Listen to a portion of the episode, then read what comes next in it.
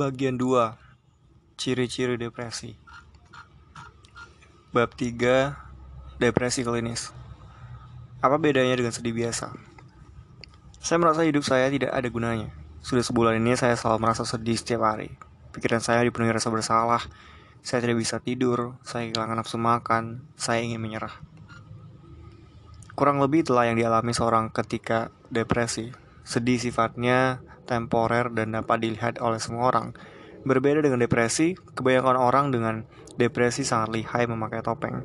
Seolah-olah kondisinya baik-baik saja. Mereka bisa tersenyum dan terlihat produktif bekerja padahal sedang memikirkan betapa tidak berharganya diri mereka. Mereka bisa berdiri di atas podium, menerima penghargaan sebagai insan berprestasi, meskipun semalam sebelumnya terbangun dan menangis pukul 2 dini hari. Mereka bisa tertawa, nonton bioskop, masak bersama teman, walaupun satu jam sebelumnya memikirkan rencana bunuh diri. Kesedihan biasanya memiliki penyebab yang jelas dan baru saja terjadi dalam hidup seseorang.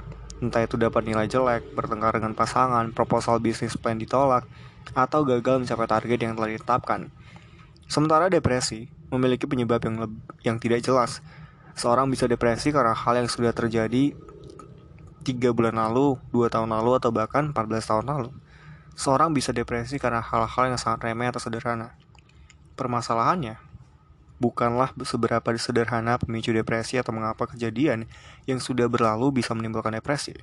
Depresi sendiri adalah suatu keadaan ketika kita tidak bisa mengendalikan pikiran dan perasaan. Segala kejadian pahit yang pernah kita alami tiba-tiba muncul. Segala konflik maupun kata-kata negatif yang pernah kita terima muncul begitu saja. Karena mood seseorang ketika depresi sangat negatif. Kadang orang yang mengalami depresi tanpa sadar mencari-cari berbagai penyebab dengan mengakses kembali memori-memori pahit yang pernah terjadi. Depresi atau Major Depressive Disorder, gangguan depresi mayor, adalah gangguan suasana hati yang berdampak pada penurunan kondisi emosi, fisik, dan pikiran akibat kesedihan, hampa, dan ketidakberdayaan berkepanjangan. Kondisi ini menetap minimal dua minggu berturut-turut. Depresi merupakan kumpulan dari beberapa gejala seperti kehilangan nafsu makan, tidak memiliki harapan, dan gangguan tidur. Gejala depresi, untuk mendiagnosis depresi dibutuhkan pengamatan cermat dari seseorang profesional di bidang kesehatan mental seperti psikolog atau psikiater. Dalam dunia psikologi, ada kitab suci yang berisi panduan penegakan diagnosis, yaitu Diagnostic and Statistical Manual of Mental Disorder, DSM-5. Berikut merupakan gejala depresi sesuai isi buku tersebut. Jika Anda mengalami 5 atau lebih dari gejala-gejala berikut secara konsisten selama 2 minggu, Anda perlu mengkonsultasikan keadaan Anda ke psikolog atau psikiater. Pertama, depressive mood. Mengalami suasana hati yang depresif hampir setiap hari. Mood ini dapat dinilai secara subjektif seperti merasakan kesedihan, kekosongan, dan kehilangan harapan. Atau berdasarkan pengamatan orang lain, terlihat sedih dan ada yang salah. Yang kedua, kehilangan minat dan kesenangan dalam semua atau hampir semua kegiatan sepanjang hari. Yang ketiga, penurunan atau kenaikan berat badan yang signifikan, perubahan sekitar 5% dari berat badan dalam sebulan, dan penurunan atau peningkatan nafsu makan hampir setiap hari ketika sedang tidak melakukan diet atau program apa pun. Yang keempat, insomnia, sulit tidur atau hypersomnia, tidur berlebihan hampir, hampir setiap hari. Yang kelima, psikomotor, psikomotor lamban, berbicara lebih lamban, volume suara mengecil, gerakan menjadi lamban, dan lain-lain, atau justru menunjukkan kegelisahan, tidak mampu duduk diam, berjalan mondar-mandir, berjalan mondar-mandir, meremas-remas tangan, dan lain-lain, hampir setiap hari. Yang keenam adalah kelelahan atau kehilangan energi hampir setiap hari. Orang-orang dengan depresi kadang mudah sekali merasakan energinya terkuras habis untuk aktivitas sederhana. Yang ketujuh, perasaan tidak berharga atau bersalah yang berlebihan.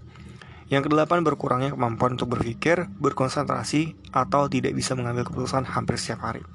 Yang kesembilan, adalah pikiran berulang tentang kematian, ide bunuh diri yang berulang tanpa rencana khusus atau adanya rencana spesifik untuk melakukan bunuh diri atau sekedar keinginan pasif untuk tidak terbangun dari pagi terbangun dari tidur di pagi hari atau keyakinan bahwa orang lain akan lebih baik tanpa dirinya.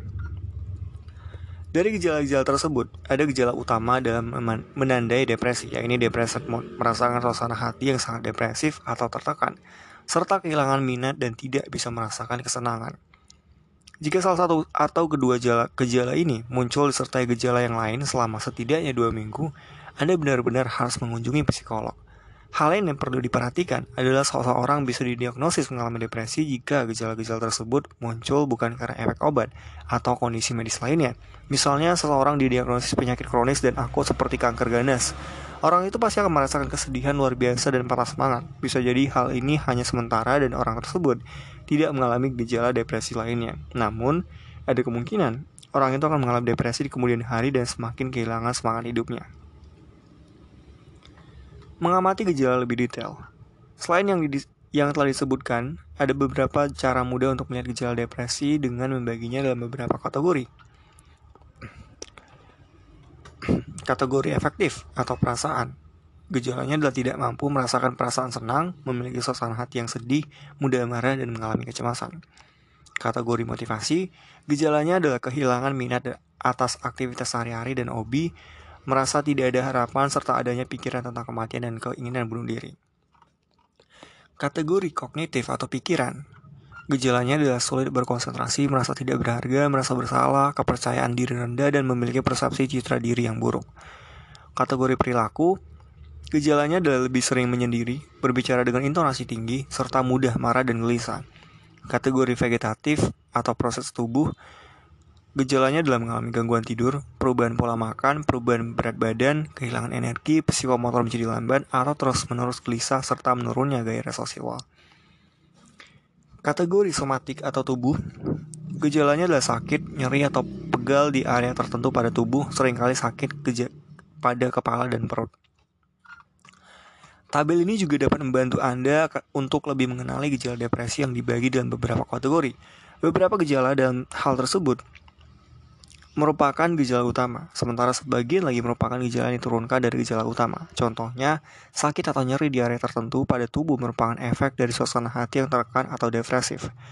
Beberapa orang yang mampu membahaskan perasaannya mendeskripsikan depresi seperti sedih, kehilangan harapan, pelas semangat, cemas, atau bahkan tidak merasakan apa-apa.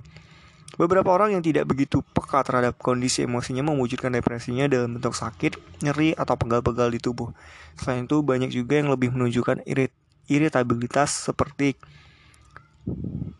kemarahan yang terus-menerus sebagai bentuk dari suasana hatinya yang murung.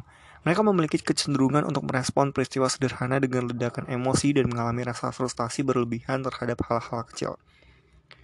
Menarik diri dari lingkungan sosial merupakan kelanjutan dari ketidakmampuan merasakan kesenangan, anhedonia, dan kehilangan minat terhadap aktivitas sehari-hari. Orang-orang dengan depresi akhirnya memilih untuk mengurung diri di kamar karena sudah tidak ada lagi hal yang menarik bagi mereka. Mereka sudah tidak mampu lagi merasakan kebahagiaannya tertawa dan canda bersama teman-teman maupun keluarga. Low mood ada banyak cara untuk menjelaskan depresi. Seseorang mungkin akan merasa tidak punya semangat hidup selama berbulan-bulan. Seseorang akan bangun dari tidur dan diam di kasurnya hingga beberapa jam sebelum memulai aktivitas. Seseorang yang lain mungkin akan mendeskripsi, mendeskripsikan dirinya sebagai orang yang selalu murung, dipenuhi rasa kesepian, merasa sia-sia, tidak berharga, terus-menerus letih, atau merasa selalu ada awan hitam di atas kepalanya. Semua perasaan itu mengindikasikan low mood atau depressed mood yang bisa menjadi awal dari gejala episode depresi mayor. Jika Anda mengalami hal ini, mungkin saatnya Anda membaca buku self-help dan berkonsultasi ke psikolog untuk mengantisipasi depresi ini atau gangguan mental lain yang berkembang di kehidupan Anda di masa mendatang. Wordless, hopeless, helpless. Ada tiga kata yang sangat menggambarkan isi pikiran dan suasana hati seseorang yang sedang mengalami depresi yaitu worthless, hopeless, dan helpless. Ketika mengalami depresi, pikiran seseorang akan sangat terdistorsi, terdistorsi hingga ia merasa sebagai manusia yang paling tidak berharga di dunia ini. Ada atau tidak dirinya di dunia tidak akan berpengaruh banyak. Mereka berpikir bahwa mereka tidak berharga bagi siapa pun termasuk orang tua dan sahabat-sahabatnya. Perasaan tidak berharga yang muncul sewaktu depresi sering kali tidak realistis yang bisa mereka ingat hanyalah kejadian-kejadian di mana mereka selalu merepotkan dan menjadi beban bagi orang lain. Selain itu, ketika mengalami depresi, seseorang merasa tidak ada lagi hal di dunia ini yang dapat membuat mood mereka membaik. Mereka merasa hanya depresi yang bisa merasa mereka rasakan seumur hidup. Tidak ada harapan dan tidak akan tertolong lagi. Semua perasaan dan pikiran ketika seorang depresi sangatlah bias dan penuh ilusi. Hanya sisi-sisi gelap yang kehidupan yang bisa mereka lihat. Oleh sebab itu, orang-orang yang sedang mengalami depresi sudah tidak mampu berpikir jernih, sulit tidur, dan selalu merasa kelelahan karena isi kepala mereka dibanjiri dengan pikiran negatif yang tidak terkontrol. Oleh sebab itu pula, kadang kematian menjadi sebuah pikiran yang menenangkan bagi mereka, karena tak perlu lagi merasakan tiga perasaan kelam tersebut. Suicide ideation dan suicide attempt Salah satu gejala yang paling membahayakan bagi seorang yang mengalami depresi adalah memiliki pikiran bunuh diri yaitu suicide ideation atau suicide suicide talk dan melakukan percobaan bunuh diri yaitu suicide attempt. Suicide ideation biasanya masih berupa ide, keinginan, atau rencana. Pada orang yang mengalami depresi, pikiran itu bisa muncul begitu saja hampir setiap hari dalam bentuk yang beragam. Kadang berupa keinginan pasti seperti berharap tidak bangun lagi dari tidur, kadang berupa reaksi emosional seperti pikiran untuk bunuh diri di hadapan keluarga atau mantan kekasih. Kadang juga berupa rencana pasti yang ingin melakukan secara sembunyi-sembunyi agar kematiannya tak diketahui. Namun selayaknya cinta yang suatu saat berani kita utarakan, selayaknya amarah yang pada puncaknya berani kita luapkan, ide bunuh diri juga mampu dilakukan oleh mereka yang telah memikirkannya sekian lama. Pikiran bunuh diri sesungguhnya dapat diubah dapat berubah menjadi aksi bunuh diri apabila seorang merasa sudah tidak lagi merasakan bahwa eksistensinya berharga yang menganggap kematiannya akan membuat semua orang terbebas dari beban. Oleh sebab itu jangan pernah menganggap sepele pikiran itu, terlebih lagi pikiran bunuh diri. Jika ada yang mengalaminya dan kita mengetahuinya, rangkul mereka dan dengarkan cerita mereka tanpa prasangka. Bantu mereka melihat kehidupan dari sudut pandang yang berbeda. Bantu mereka untuk berhenti memikirkan dan mengatakan bunuh diri atau ingin mati. Ingatlah bahwa apa yang dipikirkan bisa menjadi perkataan dan apa yang dikatakan bisa menjadi perbuatan. Self-harm Selain pikiran dan percobaan bunuh diri, orang yang mengalami depresi juga rentan untuk melakukan self-harm. Self-harm tidak dapat dianggap sepele karena penderitanya memiliki resiko lebih tinggi untuk melakukan percobaan bunuh diri di masa depan.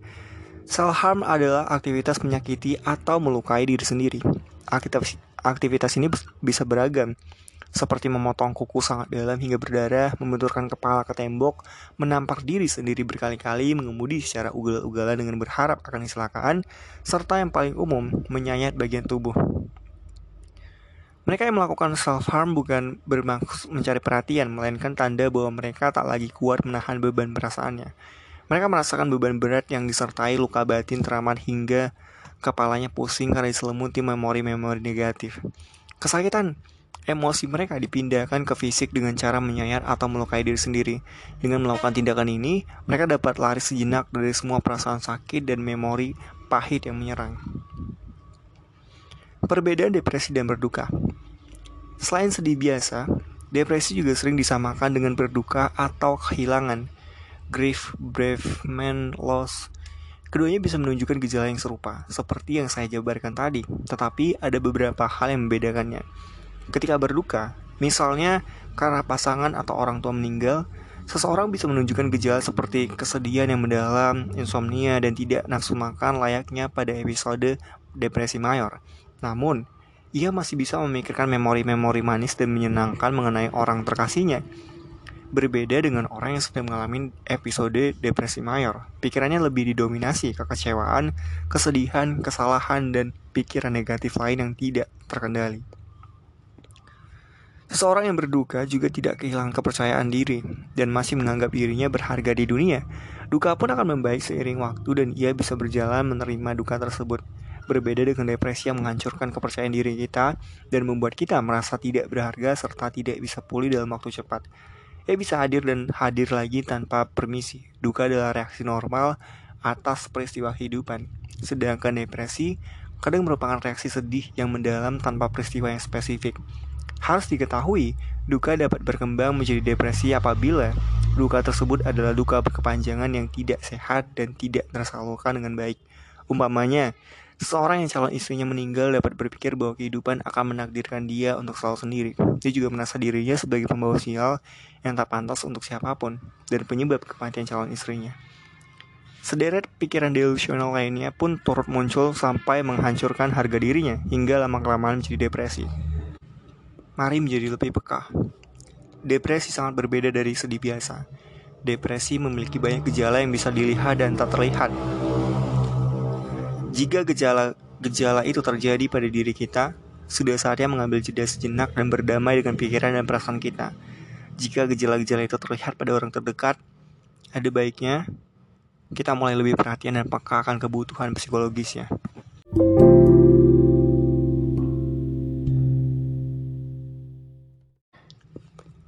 Relapse Sialnya, depresi itu kambuhan. Depresi bukanlah penyakit yang datang sekali lalu pergi. Ia bersemayam dalam badan kita, bersembunyi dalam jiwa, dan menghancurkan kewarasan secara perlahan. Jika tidak menyadari dan melakukan sesuatu, lama-kelamaan kita tak mampu lagi mengendalikan pikiran dan emosi kita serta terjebak pada lubang hitam yang sama. Istilah ilmiah dari depresi klinis adalah gangguan depresi mayor.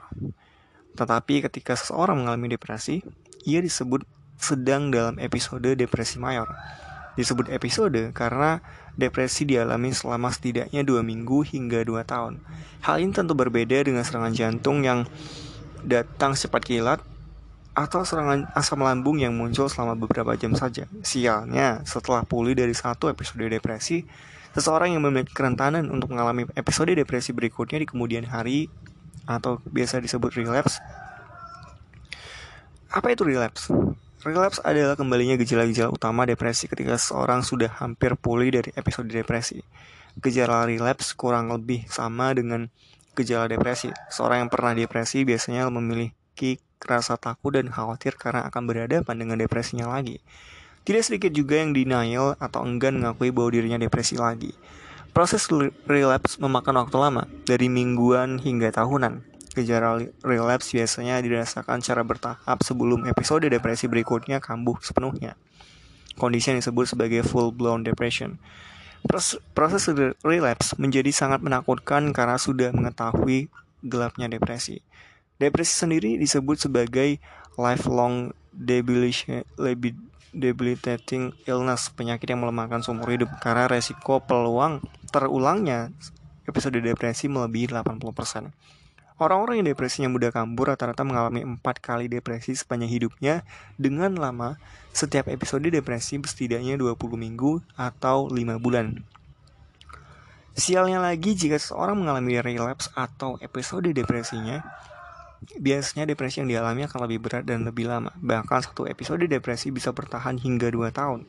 Celakanya jika seseorang memiliki pikiran bunuh diri, suicidal talk, pada episode depresi sebelumnya, pikiran tersebut akan muncul kembali dengan intensitas yang lebih besar. Mengapa relapse? Biasanya depresi menjadi kambuhan ketika seorang belum sembuh secara holistis.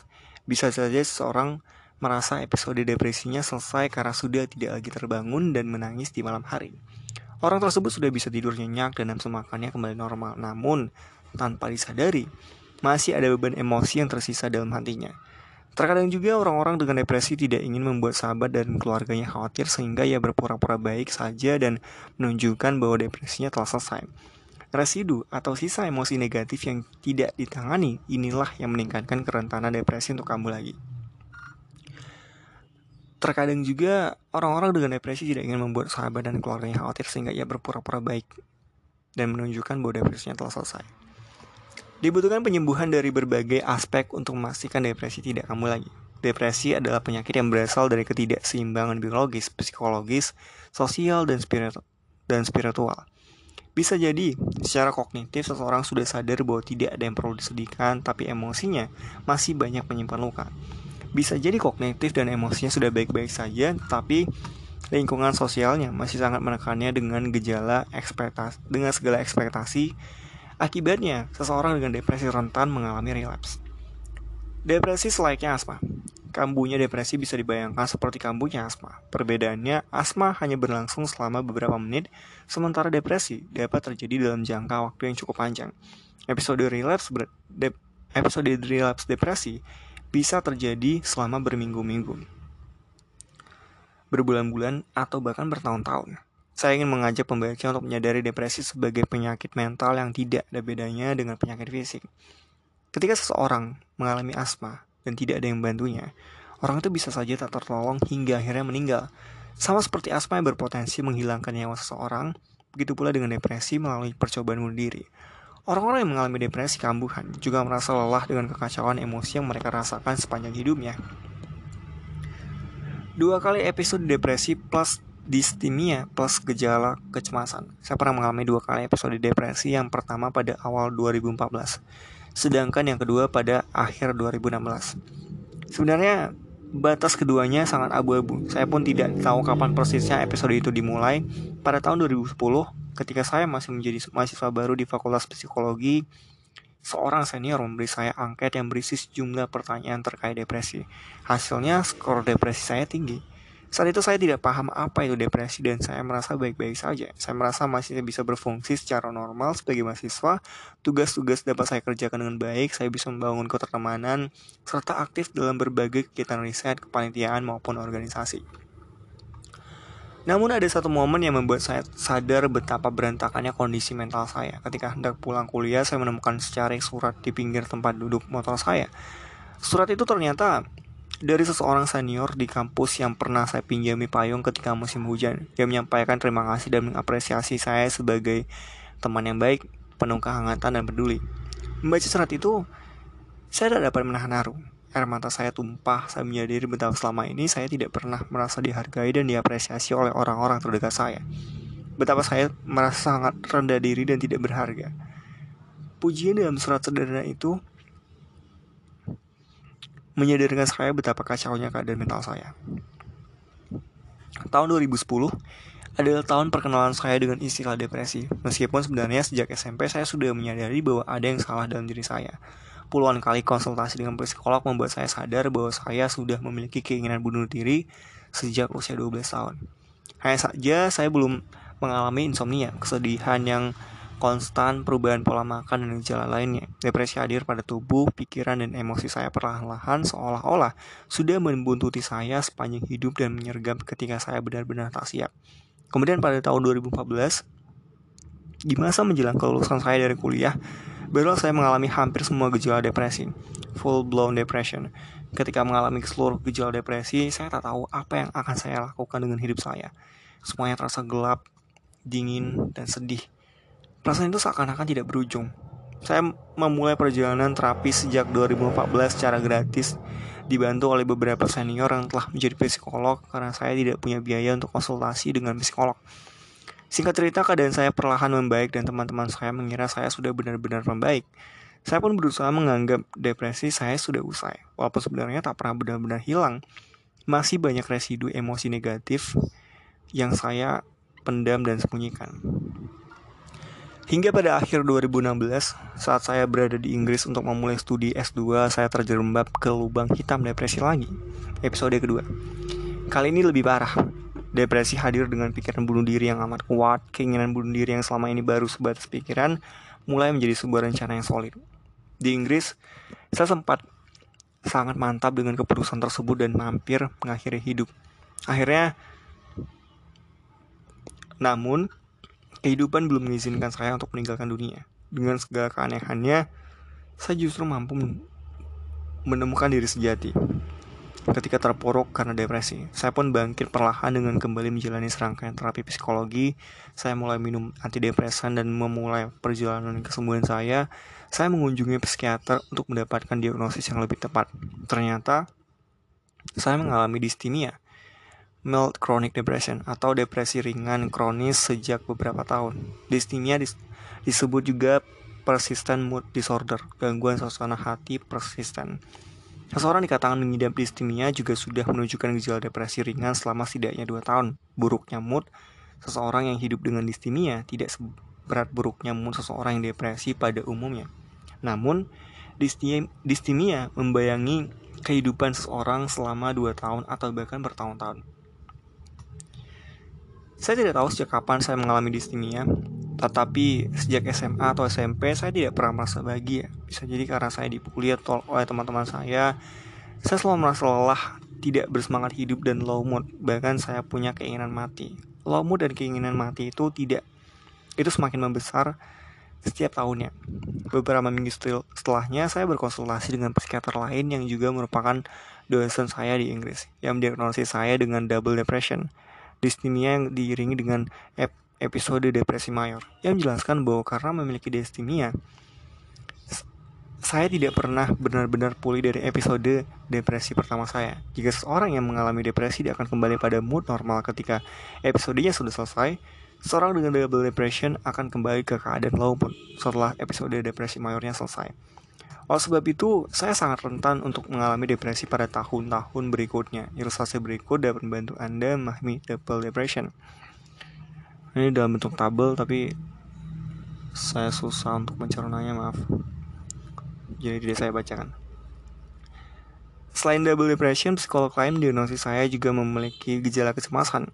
Sangatlah umum seseorang yang memiliki depresi juga memiliki kecemasan. Keduanya sering dikatakan sebagai sahabat karena kemunculannya yang hampir bersamaan. Dari diagnosis itu, saya jadi paham mengapa saya mudah khawatir terhadap banyak hal sehingga saya sering merasa lelah karena berputar-putar di pikiran sendiri. Diagnosis tersebut menjelas, memperjelas semua yang saya rasakan selama ini. Saya semakin memahami apa yang perlu saya lakukan dengan mengetahui bahwa saya rentan terhadap depresi yang berulang.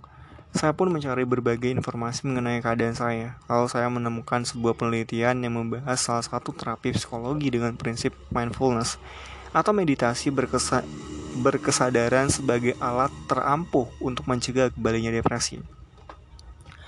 Seperti yang telah saya sebutkan, Orang-orang yang mengalami depresi rentan mengalami relapse dengan kemungkinan sebesar 80%. Melalui prinsip mindfulness atau meditasi yang yang dikombinasikan dengan terapi psikologi, kemungkinan itu dapat turun menjadi 37%. Setelah episode depresi terakhir pada akhir 2016 hingga awal 2017, saya belum mengalami episode depresi lagi hingga saya menuliskan buku ini Maret 2018. Saya menyadari bahwa kondisi saya saat ini sangat berbeda dengan kondisi episode pertama, di mana saya tidak benar-benar sembuh. Pikiran bunuh diri sesekali datang dan emosi negatif sesekali saya rasakan. Namun dengan latihan mindfulness, kini saya lebih menyadari segala hal yang terjadi pada tubuh, pikiran, dan perasaan saya. Saya lebih peka terhadap segala hal yang terjadi pada diri saya dan lebih tahu harus melakukan apa. Semoga saya tidak perlu melakukan merasakan episode depresi untuk ketiga kalinya. Mari amati diri kita. Recovery dari depresi dan mental illness lainnya adalah proses yang unik Sebagian orang dapat sembuh total dalam waktu singkat, tapi tidak sedikit pula yang membutuhkan waktu lama. Di tengah proses penyembuhan, kadang kita bisa terjatuh lagi dan mengalami full-blown depression. Penting bagi kita untuk terus menikmati hidup sambil mengamati keadaan tubuh, pikiran, dan perasaan kita. Dengan demikian, jika gejala depresi mulai datang lagi, kita akan sadar dan tahu harus melakukan apa. Kuncinya terletak pada penerimaan diri, self-acceptance, hanya dengan menerima, pada akhirnya kita akan sanggup melepaskan. Sebagai manusia mendambakan kesehatan, tentu saja tidak ingin jika depresi mampir lagi di kehidupan saya. Namun saya paham bahwa depresi selalu memiliki tujuan. Jika ia datang lagi, artinya ada sesuatu yang perlu saya pelajari di hidup ini. Kita selalu punya pilihan untuk menjadikan depresi sebagai guru yang membuat jiwa bertumbuh atau sebagai momok yang menggerogoti jiwa. Depresi memang sangat menyakitkan, tapi di sisi lain, kita juga paham bahwa melalui kesakitan itu, kita mendapat kesempatan untuk tumbuh dengan lebih bijaksana. Semenjak belajar ikhlas untuk menerima yang terjadi di hidup ini, saya tidak memiliki kekhawatiran akan relapse setiap kali gejala depresi datang. Sebaliknya, saya segera berdialog dengan diri saya, apa yang salah? Kemudian saya duduk, bermeditasi, dan menerima perasaan negatif atau sensasi fisik yang muncul. Atau saya menarik, menarik diri sejenak dari kesibukan dan mengistirahatkan pikiran dengan belajar menerima rasa, sedih, kesepian, dan gejala depresi lainnya, saya mampu menghindar dari relapse. Jika usaha pribadi saya tidak cukup untuk mengendalikan emosi negatif, saya pun segera bercerita pada orang-orang yang saya percaya. Jika masih tidak cukup, saya akan segera mencari bantuan profesional untuk konsultasi.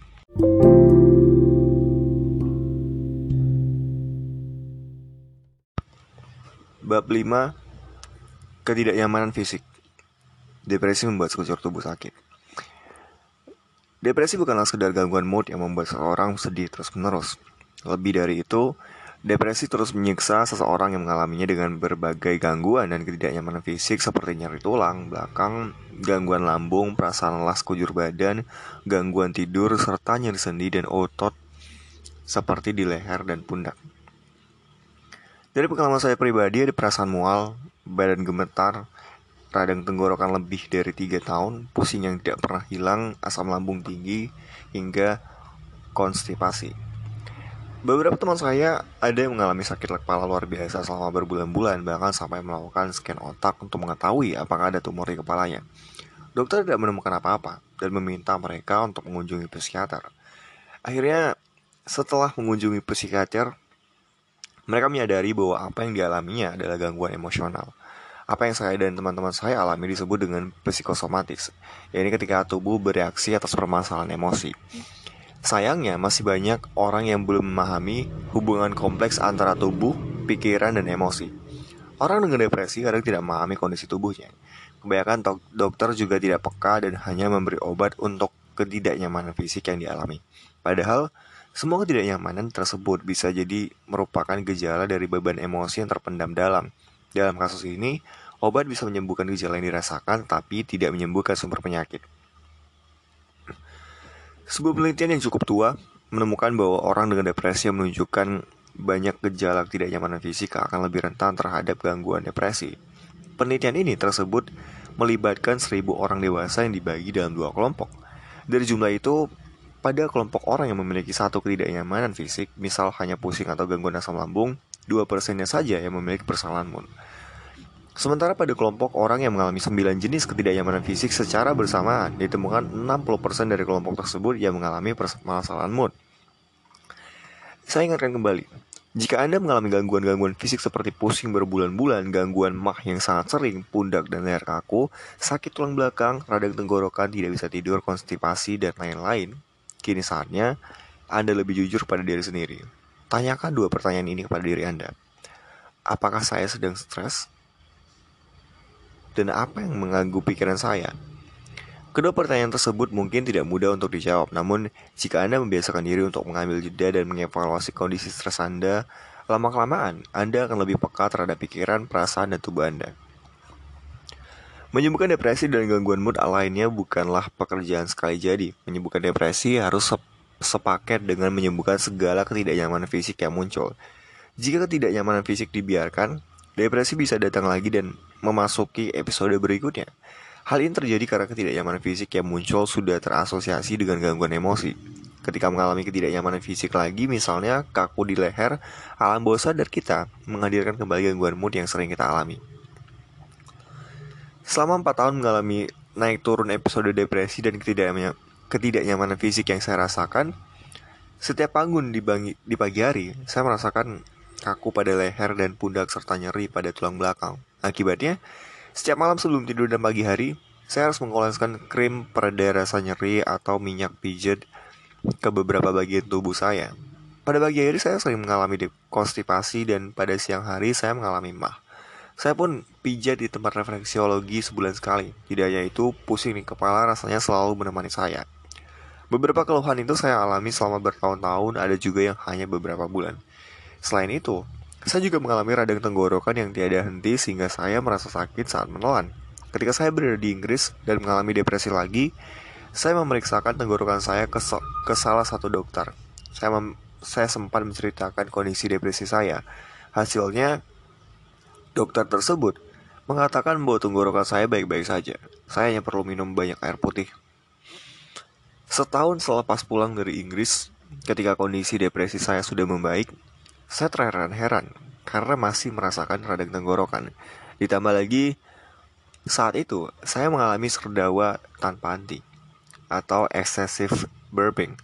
Akhirnya saya mengunjungi dokter Yogyakarta dan menceritakan kembali radang tenggorokan saya, termasuk kondisi depresi yang saya alami. Dokter tersebut kemudian menampar saya dengan fakta bahwa rasa panas di tenggorokan saya bisa jadi disebabkan oleh kecemasan. Depresi saya hadir dengan kecemasan, Kecemasan yang terus-menerus membuat asam lambung naik sehingga tenggorokan saya selalu terasa panas. Dokter mendiagnosis saya dengan GERD, gastroesophageal reflux disease, satu nama penyakit baru yang asing di telinga saya. Kesal dengan diagnosis terbaru tersebut, saya mencari banyak literatur tentang keterkaitan antara emosi dan ketidaknyamanan fisik. Ternyata, sudah banyak tulisan dan penelitian yang menyebutkan bahwa depresi memang bisa mengakibatkan radang di tubuh.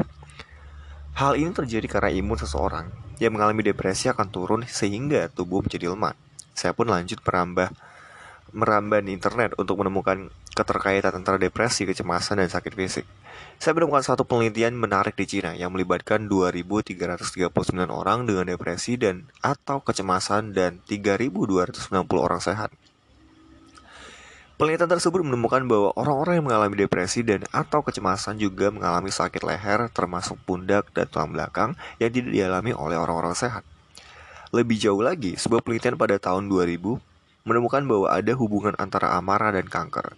Dalam penelitian tersebut ditemukan bahwa orang-orang yang memiliki skor amarah yang sangat rendah memiliki potensi kanker di tubuhnya. Skor amarah yang sangat rendah justru mengindikasikan perasaan marah yang teramat besar terterapi sangat ditekan atau disembunyikan. Perasaan marah yang sangat ditekan itu pelan-pelan menjelma menjadi sel-sel kanker karena tidak pernah diekspresikan keluar tubuh dan jiwa seseorang. Penelitian tersebut merupakan penelitian awal yang menginvestigasi asosiasi antara kanker dan emosi. Tentu saja, masih dibutuhkan penelitian lain untuk memastikan apakah keduanya memang benar-benar memiliki hubungan sebab akibat. Biarpun masih penelitian awal, Penelitian ini bisa menjadi refleksi kita tentang hubungan antara emosi dengan segala yang terjadi di tubuh kita. Hubungan kausal antara perasaan dan tubuh. Louis Hay, seorang terapis holistis, dalam bukunya yang berjudul You Can Heal Your Life, menjelaskan bahwa ada hubungan antara setiap ketidaknyamanan di fisik dan ketidaknyamanan di emosi. Hal ini memang belum terbukti secara ilmiah karena ia menuliskan hubungan itu berdasarkan pengamatannya terhadap ribuan kliennya. Namun, bagi saya yang telah merasakan depresi bertahun-tahun, buku Louis Hay yang berjudul You Can Heal Your Life, Heal Your Body, dan Love Your Body membuat saya menemukan perspektif baru dan untuk melihat segala ketidaknyamanan fisik yang terjadi pada saya. Dalam buku tersebut dipaparkan beberapa contoh hubungan permasalahan fisik dengan permasalahan psikologi telinga. Louis Hay mengamati klien-kliennya yang memiliki kasus ekstrim, misalnya orang tua yang budak sering kali memiliki pasangan yang sangat cerewet. Menurut Louis Hay, orang tersebut jenuh dan lelah mendengarkan pasangan yang sangat banyak bicara, entah itu komplain, kritik, atau tuntutan. Telinga adalah representasi kemampuan mendengar. Ketika seorang mengalami gangguan di telinga seperti berdengung atau tining, tinnitus, Penyebab psikologisnya adalah ada sesuatu yang tidak ingin ia dengar. Leher Leher adalah penyangga kepala yang memungkinkannya bergerak ke kanan dan ke kiri. Leher melambangkan kemampuan manusia untuk fleksibel, fleksibel dalam berpikir, untuk melihat sisi lain dan perspektif orang lain. Jika ada permasalahan dengan leher, biasanya orang tersebut keras kepala dan kurang bisa melihat perspektif orang lain. Orang yang mengalami kaku di leher biasanya selalu memaksakan kehendak. Ia yakin bahwa perspektifnya selalu menjadi yang terbaik, sementara perspektif orang lain selalu salah. Selanjutnya tenggorokan. Tenggorok, tenggorokan dan segala bagiannya adalah saluran penting yang membantu kita untuk bersuara dan menjadi simbol speak up dalam kehidupan. Permasalahan di tenggorokan menunjukkan bahwa kita merasa tidak punya hak bicara dan hidup dengan cara kita sendiri. Orang yang mengalami masalah tenggorokan seperti radang biasanya memiliki banyak hal yang ingin disampaikan ke orang sekitarnya, entah itu perasaan marah, kecewa, atau ingin bebas menunjukkan siapa diri sejatinya. Tetapi, tidak bisa karena berbagai halangan. Akibatnya orang tersebut menahan segala ekspresi yang biasa ia sampaikan melalui kata dan memendamnya sendiri. Selanjutnya tulang belakang. Tulang belakang mengindikasikan dukungan moral yang dimiliki seseorang. Rasanya di tulang belakang menandakan perasaan tidak adanya dukungan, entah secara finansial dari pasangan, moral dari keluarga, atau religius dari Tuhan. Perasaan yang muncul ialah alam semesta berkonspirasi untuk menumbung, menumbangkan diri dan hidup selalu penuh rintangan tanpa ada tangan yang menolong kita. Selanjutnya jantung. Jantung, heart, yang sering diasosiasikan dengan cinta, adalah organ pemompa darah yang mengalirkan seluruh nutrisi ke seluruh tubuh.